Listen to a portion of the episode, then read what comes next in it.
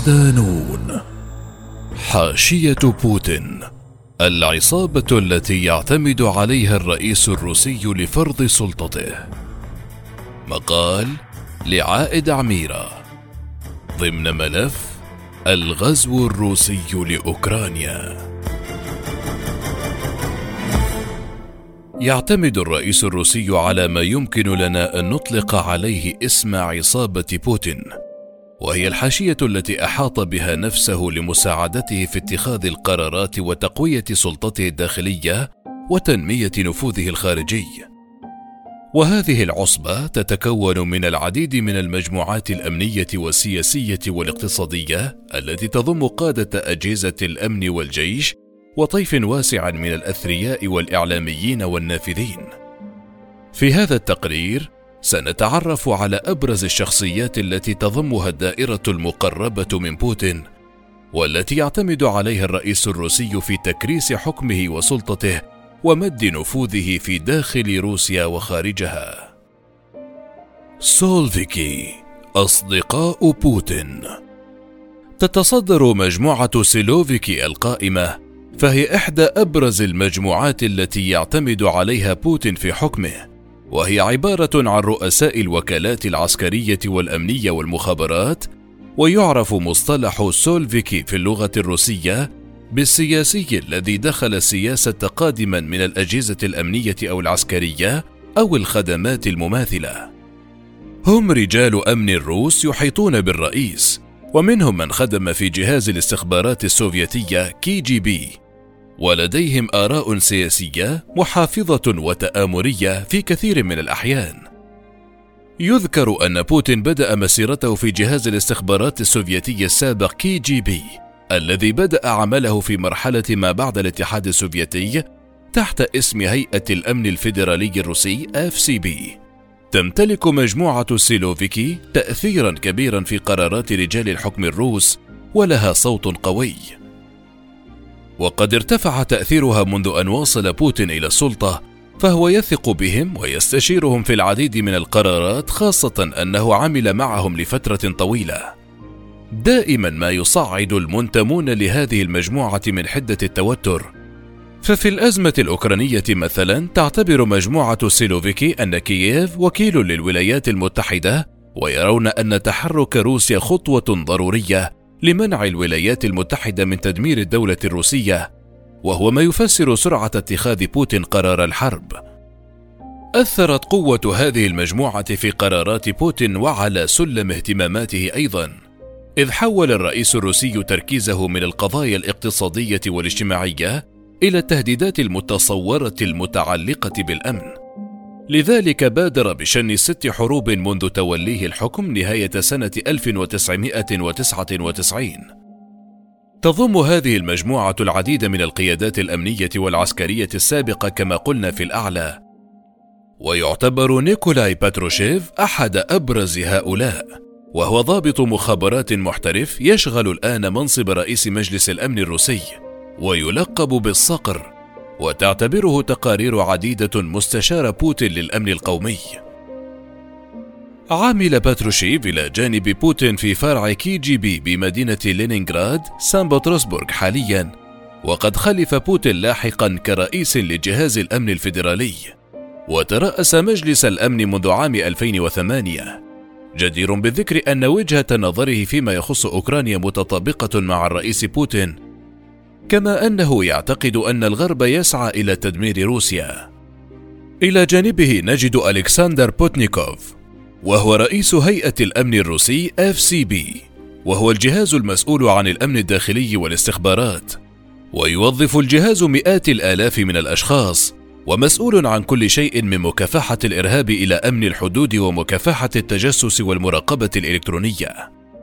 عمل بورتنيكوف إلى جانب بوتين في سبعينيات القرن الماضي في فرع كي جي بي بلينينغراد وينظر إليه على أنه جزء من حرم بوتين الداخلي.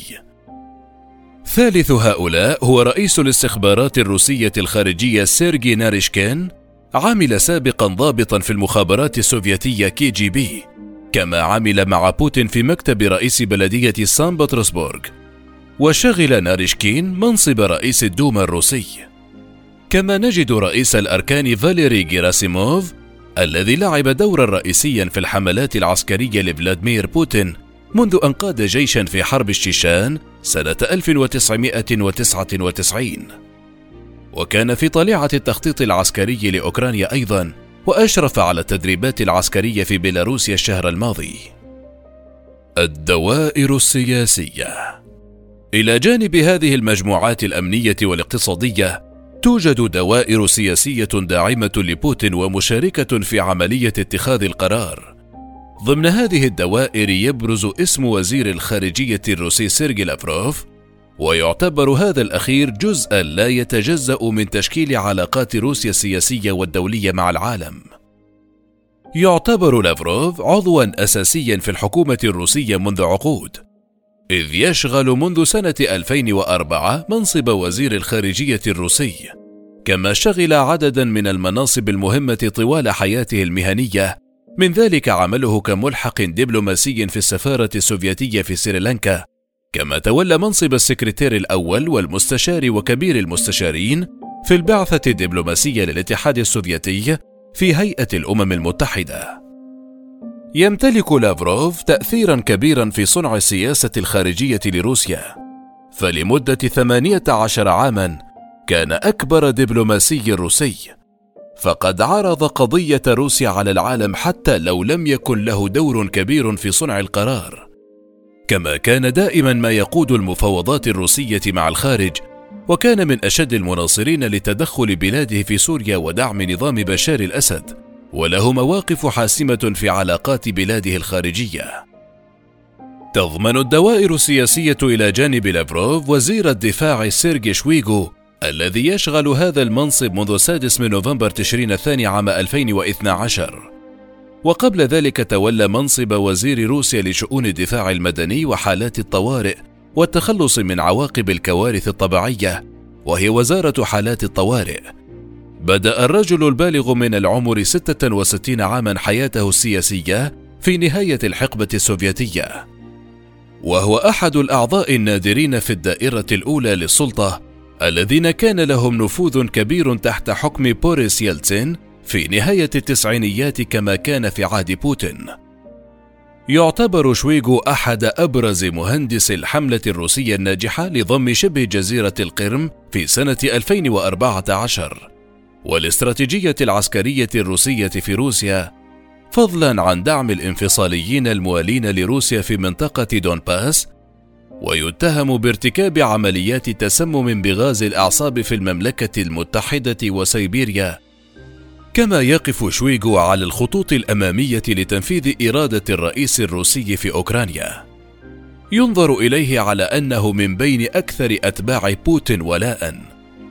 إذ ترأس بشكل خاص حزب روسيا الموحد على حساب بوتين من أجل تعزيز قبضة الرئيس على اللعبة السياسية الروسية، كما أنه صديق مفضل لبوتين، فدائما ما يدعو شويغو بوتين إلى منزله في توفا، حيث ينظمان حفلات صيد رفيعة المستوى، وينظر لشويغو على أنه خليفة محتمل لبوتين. نبقى مع الدوائر السياسية وهذه المرة مع وجه أنثوي نادر في حاشية بوتين وهي فالنتينا ماتيفيينكو التي تعرف في بلادها باسم المرأة الحديدية وتشغل منصب رئيسة مجلس الاتحاد الفيدرالي الروسي كما تلقب بتاتشر روسيا لتمتعها بشخصية قوية وعزيمة فولاذية ودهاء سياسي حاد. من أبرز الوجوه السياسية التي يعتمد عليها بوتين أيضا نجد ديمتري ميدفيديف الذي شغل منصب رئيس روسيا سنة 2008 بدأت حياة ميدفيديف السياسية مديرا للحملات الانتخابية وبعد ذلك مستشارا لرئيس بلدية سان بطرسبورغ أناتولي سوبتشاك.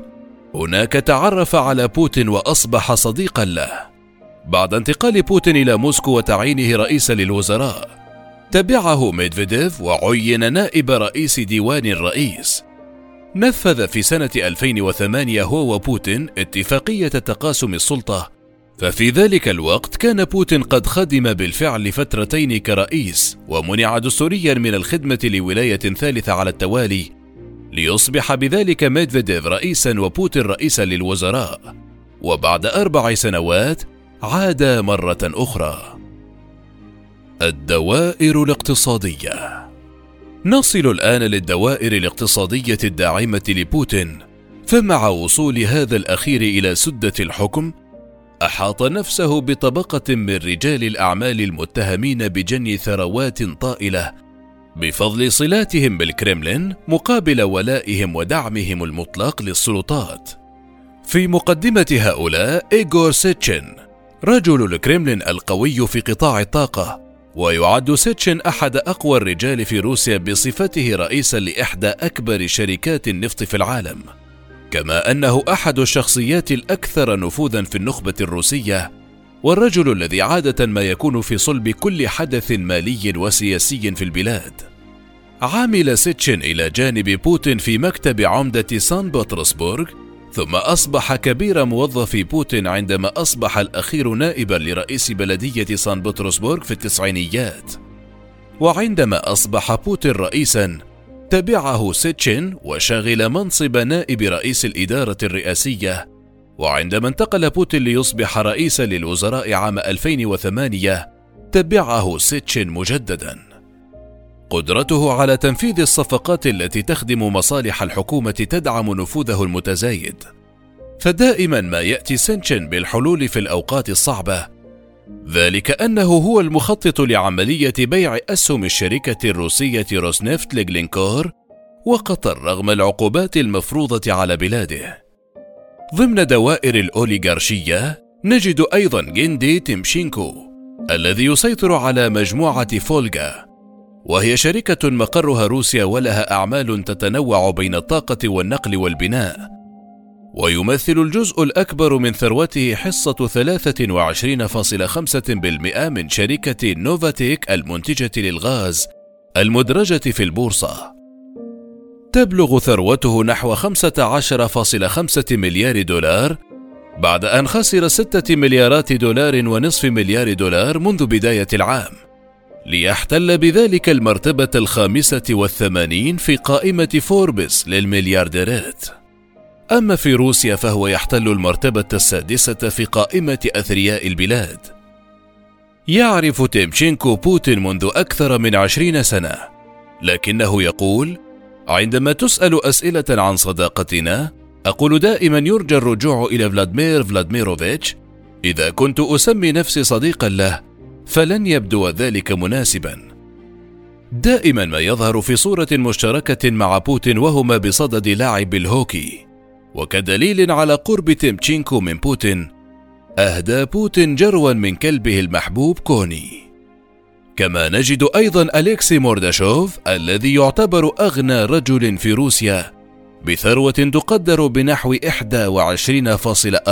مليارات دولار ويعد مورداشوف قطب المعادن والأقوى في طبقة الأوليغارشية المقربة من بوتين. لذلك وضعه الاتحاد الأوروبي على قائمة المستهدفين بالعقوبات مؤخرا ردا على التدخل العسكري. تتركز ثروة مورداشوف بشكل عام في حصته في شركة سيفرستال لصناعة الصلب والتعدين التي تعد كبرى شركات صناعة الحديد في العالم. كما يمتلك حصة 34% في تي يو آي وهي شركة ألمانية للسياحة وحصصا أخرى في شركة لتصنيع معدات توليد الطاقة وشركة نورد جولد لتعدين الذهب. لا تعد هذه القائمة شاملة، فعصابة بوتين كبيرة وممتدة وتسيطر على قواعد اللعبة في مختلف المجالات السياسية والأمنية والعسكرية والإعلامية والاقتصادية، ولا تقتصر على حدود روسيا إذ تتعداها إلى مناطق النفوذ الروسي بل والعالم حيث ما يحتاج الكرملين إلى قتلة مأجورين.